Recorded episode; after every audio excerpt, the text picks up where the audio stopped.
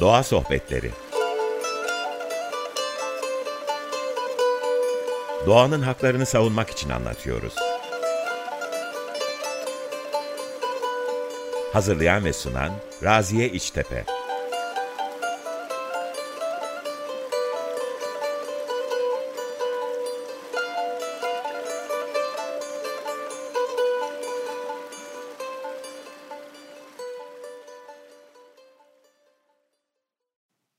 Merhabalar, Doğa Derneği tarafından hazırlanan Doğa Sohbetlerine hoş geldiniz. Ben Raziye İçtepe. Bu hafta doğa ve sanat ilişkisini konuşacağız. Ee, doğa Derneği Görsel İletişim Sorumlusu ressam Gökçe Sümerkan bizimle birlikte. Gökçe'cim biz seni tanıyoruz elbette ama dinleyicilerimiz için böyle sorularımıza geçmeden önce biraz kendini tanıtır mısın bize? Öncelikle merhabalar. Ee, ben Gökçe Sümerkan, Trabzon doğumluyum. Yani şanslıyım ki çocukluğum çok güzel geçti. Çünkü babamın Doğu Karadeniz kırsal mimarisi üzerine bir e, tezi vardı, doktora tezi vardı. Ve ben kendime geldiğimde, biraz büyüdüğümde o böyle e, Artvin'den e, Giresun'a kadar e, bir çalışma alanı belirlemişti kendine. Ve ben böyle kendime gelip biraz hatırladığım zamanlarda Sürmene'ye denk gelmişti çalışmasının aşamaları. Sürmene'den sonra Artvin'e kadar ki olan kısım artık ben üniversiteye gidene kadar o süreçte hep böyle bütün dağları, e, köyleri gezdik. E, şehirde doğup büyüsem de yani e, aslında çocukluğum dağlarda geçtiği için oranın her vadinin yani Karadeniz'de her vadinin kendine has bir kültürü vardır, bir şivesi vardır, müzik kültürü farklı. Hep bunların farklılıklarını görerek her vadideki e, ormanların ya da derelerin, insanların doğayla kurdukları bağların farklılıklarını görerek büyüdüm. E, ya bu anlamda şanslıyım. E, fakat benim tabii bildiğim bu bilgi, sandığım bu bilgi benim için her şeydi. Yani doğada her halükarda herhangi bir yerde hayatta kalabilirdim ama üniversite okumak için İstanbul'a gittim. 18 yaşımda bir an gittim ve şok geçirdim yani hani orada konuşulan kültür, tüm konular benim hiç bilmediğim şeyler ve e, ne konuşacağımı bilmiyorum. Orayı öğrenmem lazım. İnsanların ne anlattıklarını anlamıyorum. yani bir süre böyle e, orada kalıp e, biraz şehir kültürünü anlamakla geçti. Dolayısıyla çok suskun bir zaman geçirdim. Çünkü içimdeki o doğa bilgisini şehirde nasıl yaşatacağım bilmiyorum. Ve onun bana kattığı müthiş bir şey var.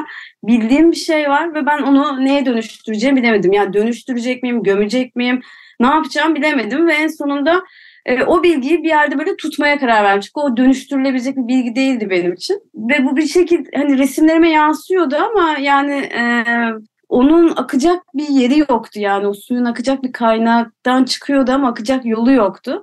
Ve onu böyle bir yere gömdüm ve hani acaba bu ileride neye dönüşecek diye beklemeye başladım. Ve hani yıllar sonra benim bu döngüm Doğa Derneği yollarımız kesişince birleşti ve e, Doğa Derneği'nde doğadan daha çok şey öğrenip, Doğa Derneği'nin kendi felsefesiyle birlikte harmanlayarak e, daha çok şey öğrenerek e, resmetmeye başladım ve birlikte çalışmalarımıza devam ediyoruz. E, sürecinde su gibi aslında belki suskun e, olduğunu ifade ediyorsun ama o aslında içinde bir tohum yani şu anki anlattığından bende canlanan o bir tohum ve o tohum e, vakti zamanı geldiğinde çatlağını bulup patladı. Elbette e, çizimlerin çok keyifli. E, defalarca bakmak istiyorsunuz, defalarca görmek istiyor insan tekrar tekrar. Peki bu e, resimlerinde, çizimlerinde ilham kaynağın ne? Ne seni e, çizmeye teşvik ediyor?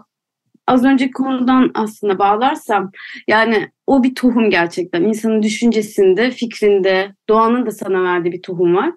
Ee, ama onun yeşerecek bir zamana ihtiyacı var. Yani doğru tohum doğru iklimi bulunca yeşerecek. Yani yangın ekosistemleri var. O tohum toprağın altında yıllarca, senelerce kalıyor yani. Hani ve o e, uygun ısıyı bulunca, o 70 dereceyi görünce mesela o tohum çıkıyor ve o sabırla onu bekliyor yani. E, yani benim İstanbul sürecimin yani gelip buna bağlanması da böyle bir şey. E, ama bir yanda doğadaki şeyler de e, beni etkileyen konular da gerçekten hep o güne kadar aslında gördüğüm ama böyle bir idrak yaşadıktan sonra hani içimde yeşermesini sağlayan doğru iklimi o anki benim deneyimimle belki zamanla bulabilen konular. Yani doğa için dert ettiğim çok fazla konu var ve ve susamıyorum. Yani ben e, şu an bu podcast'i yaparken de biraz zorlanıyorum çünkü konuşmak konusunda çok iyi değilim ama E, yani belki bu beni resme daha çok yöneltti. Daha, e, çünkü çok katmanlı bir düşünce sistemim var ve e, tasarımda bunu ifade etmek daha kolay geliyor bana.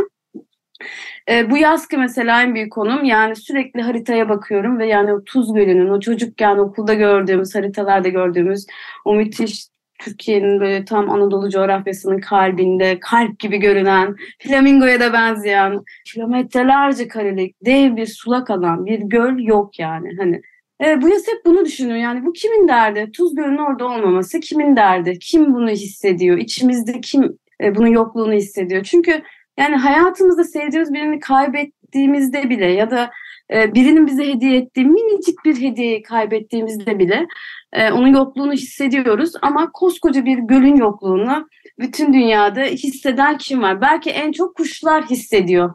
Çünkü yani Türkiye müthiş büyük bir göç yolu üstünde. Afrika'dan gelen kuşlar e, iki kola ayrılıyorlar Hatay'dan. Biri Sibirya'ya doğru gidiyor, biri e, Avrupa'ya doğru ilerliyor ve e, bu sulak alanlar, göller e, çok önemli yani. Bu kuşlar orada beslenecekler, biraz dinlenecekler. Yani bazı kuşlar e, denizleri aşarak geliyor ve yani kıyıya çok az bir metre kala hani suya düşüp ölen kuşlar var. Çünkü bütün gücünü kaybetmiş yani. Hani onun oraya ulaşması lazım. Onun oraya ulaşabilmesi için hayatı kolaylaşacak bazı duraklarda durup beslenmesi lazım. Ve onlar yok ve yani bu kimin derdi diye düşünmeden edemiyorum. Ee, o yüzden bu yaz buna odaklandım. Biraz bu içimde tohum gibi yeşeriyor yani hani bununla ilgili. Yani bu sadece benim dert edinmiyor da olmam lazım. Tabii ki hani pek çok kişinin ifade edip dert edinliyor olması lazım. De yani bunu anlatabilmek için de farklı dil geliştirmeye ihtiyacımız var. Şu an konuştuğumuz annemizden, büyüklerimizden öğrendiğimiz bu çok rahat eriştiğimiz bu dil o kadar rahat ki yani bize aslında kendimizi ya da doğanın dilini iyi ifade edecek e, imkan sağlamıyor. Bizim daha başka dilleri icat etmemiz lazım. E, o yüzden biraz Anadolu dillerine de odaklanıyorum. Yani Anadolu'nun kilimlerinde, Anadolu'nun e, türkülerinde yani o kadar güzel anlatmış ki bu ilişkiyi, e, derdini o kadar güzel anlatmış ki e, o kültüre yakın olmamız lazım diye düşünüyorum sanatçı olmak tam da bu noktada e, işleve başlıyor benim gözlemlediğim kadarıyla. Çünkü e, konuştuğumuz dilin yetmediği yerde yeni bir dili oluşturmak için resim, sinema, müzik, dans yani bugün bu coğrafyayla, doğayla, burada bunun içinde yaşayan türlerle bir ilişki kurma halin her neyse aslında yeni bir ilişki türü de tanımlıyoruz. Yani e, belirliyoruz. Bu anlamda e, çizimlerin çok kıymetli. Aslında hani konular hep böyle birbirine bağlanıyor ama bir diğer taraftan da sanat günümüzde biraz daha böyle kendi için kendini var ediyor sadece. Öyle görüyorum yani hani okuduğumdan bu konuda çok tabii ki uzman değilim doğayla sanatın ilişkisini nasıl görüyorsun mesela şu an? E, hem kendi yaptığın çalışmalarda hem etrafında e, bunu biraz böyle bize çerçeveleyebilir misin? Küresel bir iklim krizinden bahsediyoruz ve küresel iklim krizi aslında bize sanki evrimde öyle yani hiç gözümüzde görüp anlayacağımız hızda değilmiş gibi e, hissettiriyor her zaman ve her zaman hızın böyle olduğunu düşündük. Fakat e, bir tane kavram var Latince festina lenteler. E, yavaş yavaş hızlan. Bir tane de böyle bir görseli vardır. Salyangoz kabuğu içerisinde bir tavşan koşuyordur. Bizi bahsedilen bu iklim değişimini bizim gözümüzle göremeyeceğimiz yani ben kendi e, ömrümde bunu göremeyeceğimi sanıyordum. Bir türlerin yok olduğunu, ağaçların, ormanların hastalandığını, iklimin değiştiğini, yağmur döngülerinin döndüğünü, e, o çok alışık olduğumuz kuşların artık bu yaz mesela ötmediğini yani ben bunu kendi gözümde, kendi çağımda belki bir tanesine tanık olurum diyordum ama o kadar hızlı oluyor ki bu. Ee, ve bunu görmezden gelemiyorum yani. Hani bence kimse görmezden gelemiyor ama ve biz bunu bence e, bir biyoçeşitliliğin azalması olarak da tanımlıyor olmamız lazım. Ve bu bizim aslında sadece etrafımızda gördüğümüz doğanın dengesinin bozulmasının belki de bizdeki yansıması, etrafımızdaki duygularımızın, duygularımızın çeşitliliğinin azalması, e, sofra kültürümüzdeki yemek kültürünün, muhabbet çeşitliliğinin azalması. Ben bunu bunları da hissediyorum. Çünkü benim etrafımda çok neşeli, kendini unutmuş e, insanlar olurdu yani. Hani böyle bambaşka konulardan bahseden. Şu an böyle herkes tek bir konudan bahsediyor. Böyle monokültür gibi yani tek bir tarım ürünü dikmişçesine bir iletişim yaşıyoruz artık kendi insanlar, kendi içerimizde, duygularımızda. O hani çok mesela şey duygusunu çok uzun zamandır yaşamadığım farkındayım. Böyle gülmekten karnına ağrılar girdiği. Mesela o duyguya ne oldu acaba yani? Niye onu artık hissetmiyoruz yani? Hani artık dünya o kadar bizi neşelendirmiyor mu? Nereye gitti o duygular? E, bu biyoçeşitliliğin azalmasını ben her alanda hissediyorum. O yüzden sanatçı olarak bizim e, daha çok yani bu çeşitliliği arttırmaya ihtiyacım var. Çünkü doğa çeşitlenmek istiyor. Doğa tohumunu hiçbir zaman dibine düşürmez. Her zaman uzağa saçmak ister ki daha farklı yerlere gitsin, farklı coğrafyalara gitsin. Bunun için rüzgarı kullanır, işte bizim ayağımıza takılır, dikenle paçamıza takılır, işte köpeğin tüyüne takılır, onunla ilerler gider yani. O anlamda bizim e, bu dil çeşitliliğini, bizim bu iletişim, görsel çeşitliliğini, müzik çeşitliliğini değiştirmemiz, tekrar yorumlamamız lazım. Ve aslında yani yeni bir şey, yeni bir dil de icat edebiliriz ama bir yandan Anadolu zaten kendi içerisinde müthiş mayaları olan, her yerinden maya fışkıran bir yer yani. Hani herhangi bir yerden de mayalanabiliriz bunun için. Hani çok uzakta da aramamız gerekmiyor yani bu çeşitliliği. Buradan belki de bir Dionysos'a da selam göndermek lazım. Kendini unut üzerinden. Çünkü Dionysos her zaman kendini unutmayı öğütler.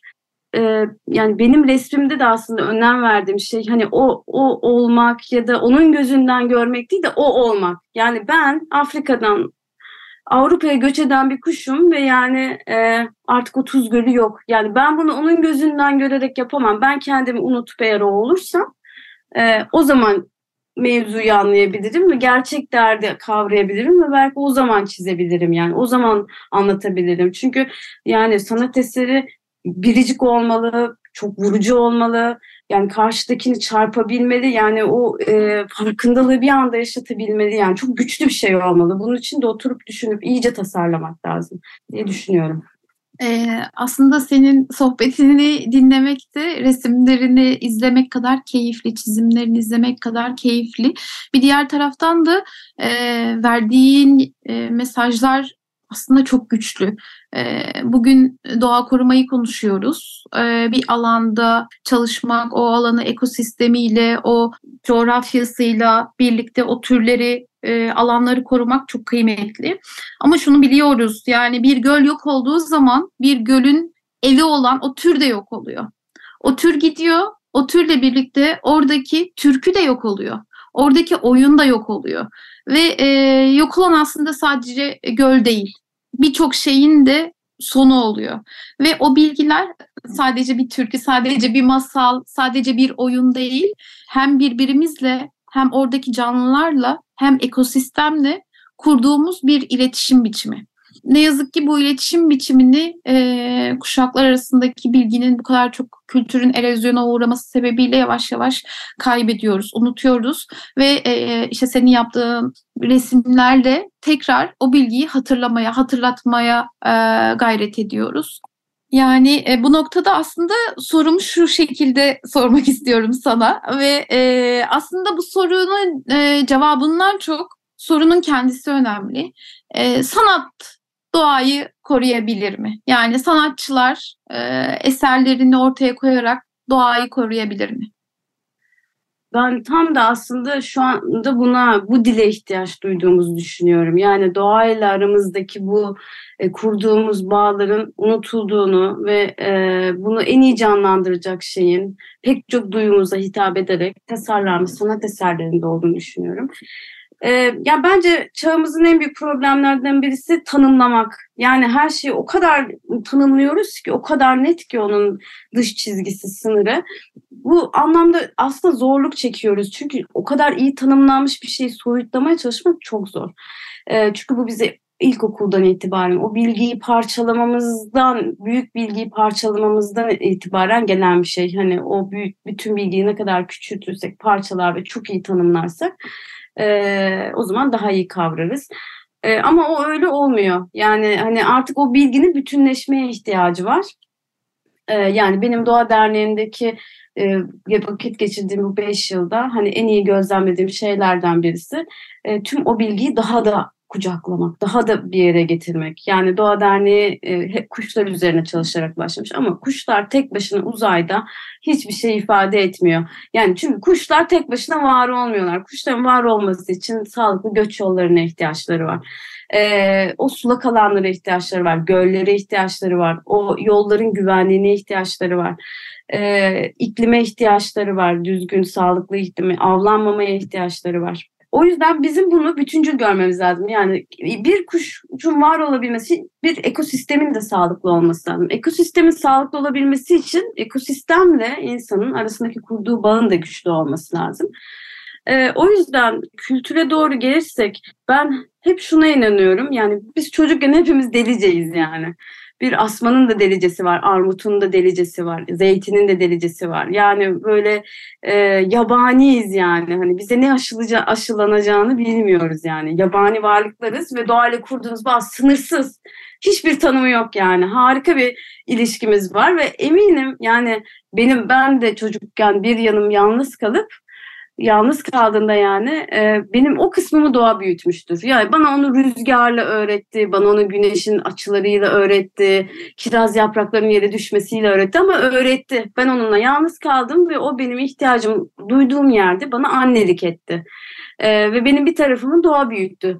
İnanıyorum ki hepimizin bir tarafını doğa büyütmüştür. O noktadan sonra o tanımlar hayatımıza girmeye başladıktan sonra biz o bağları unuttuk. Ee, sadece bunların hatırlatılmasına ihtiyacı var. O suyun çalkalanmasına ihtiyacı var. Ve bunu en iyi yapacak şeylerden birinin sanat olduğunu düşünüyorum. Çünkü bazen çok küçük bir şey bile yani bir kuzinenin ateşinin sesini duyarsınız ya da böyle bir e, yaprakların kokusunu duyarsınız ve böyle bir anda o sizi bütün çocukluğunuza götürür ve tüm o güzel anılarınızı hatırlarsınız ve hani o an olduğunuz kişiyi unutursunuz.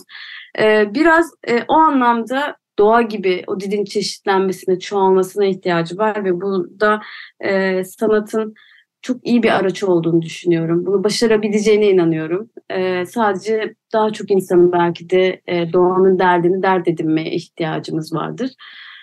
Çok teşekkürler. E, verdiğin hem hisler hem de aynı zamanda anlattığın e, bilgiler çok kıymetli. En başında da söyledik. Sorular e, sordurmak, ve bu soruların cevaplarını e, gerçekten doğanın bütünlüğü için, e, aramızdaki ilişkiler için aramak en kıymetlisi. E, sanat da onlardan birisi. Umarız bu bilgiyi yeniden hatırlar e, ve onun peşine düşeriz. Çok teşekkürler. Ağzına sağlık. Ben teşekkür ederim. Çok teşekkür ederim. O zaman başka bir doğa sohbetinde buluşmak üzere. Hoşçakalın. Hoşçakalın.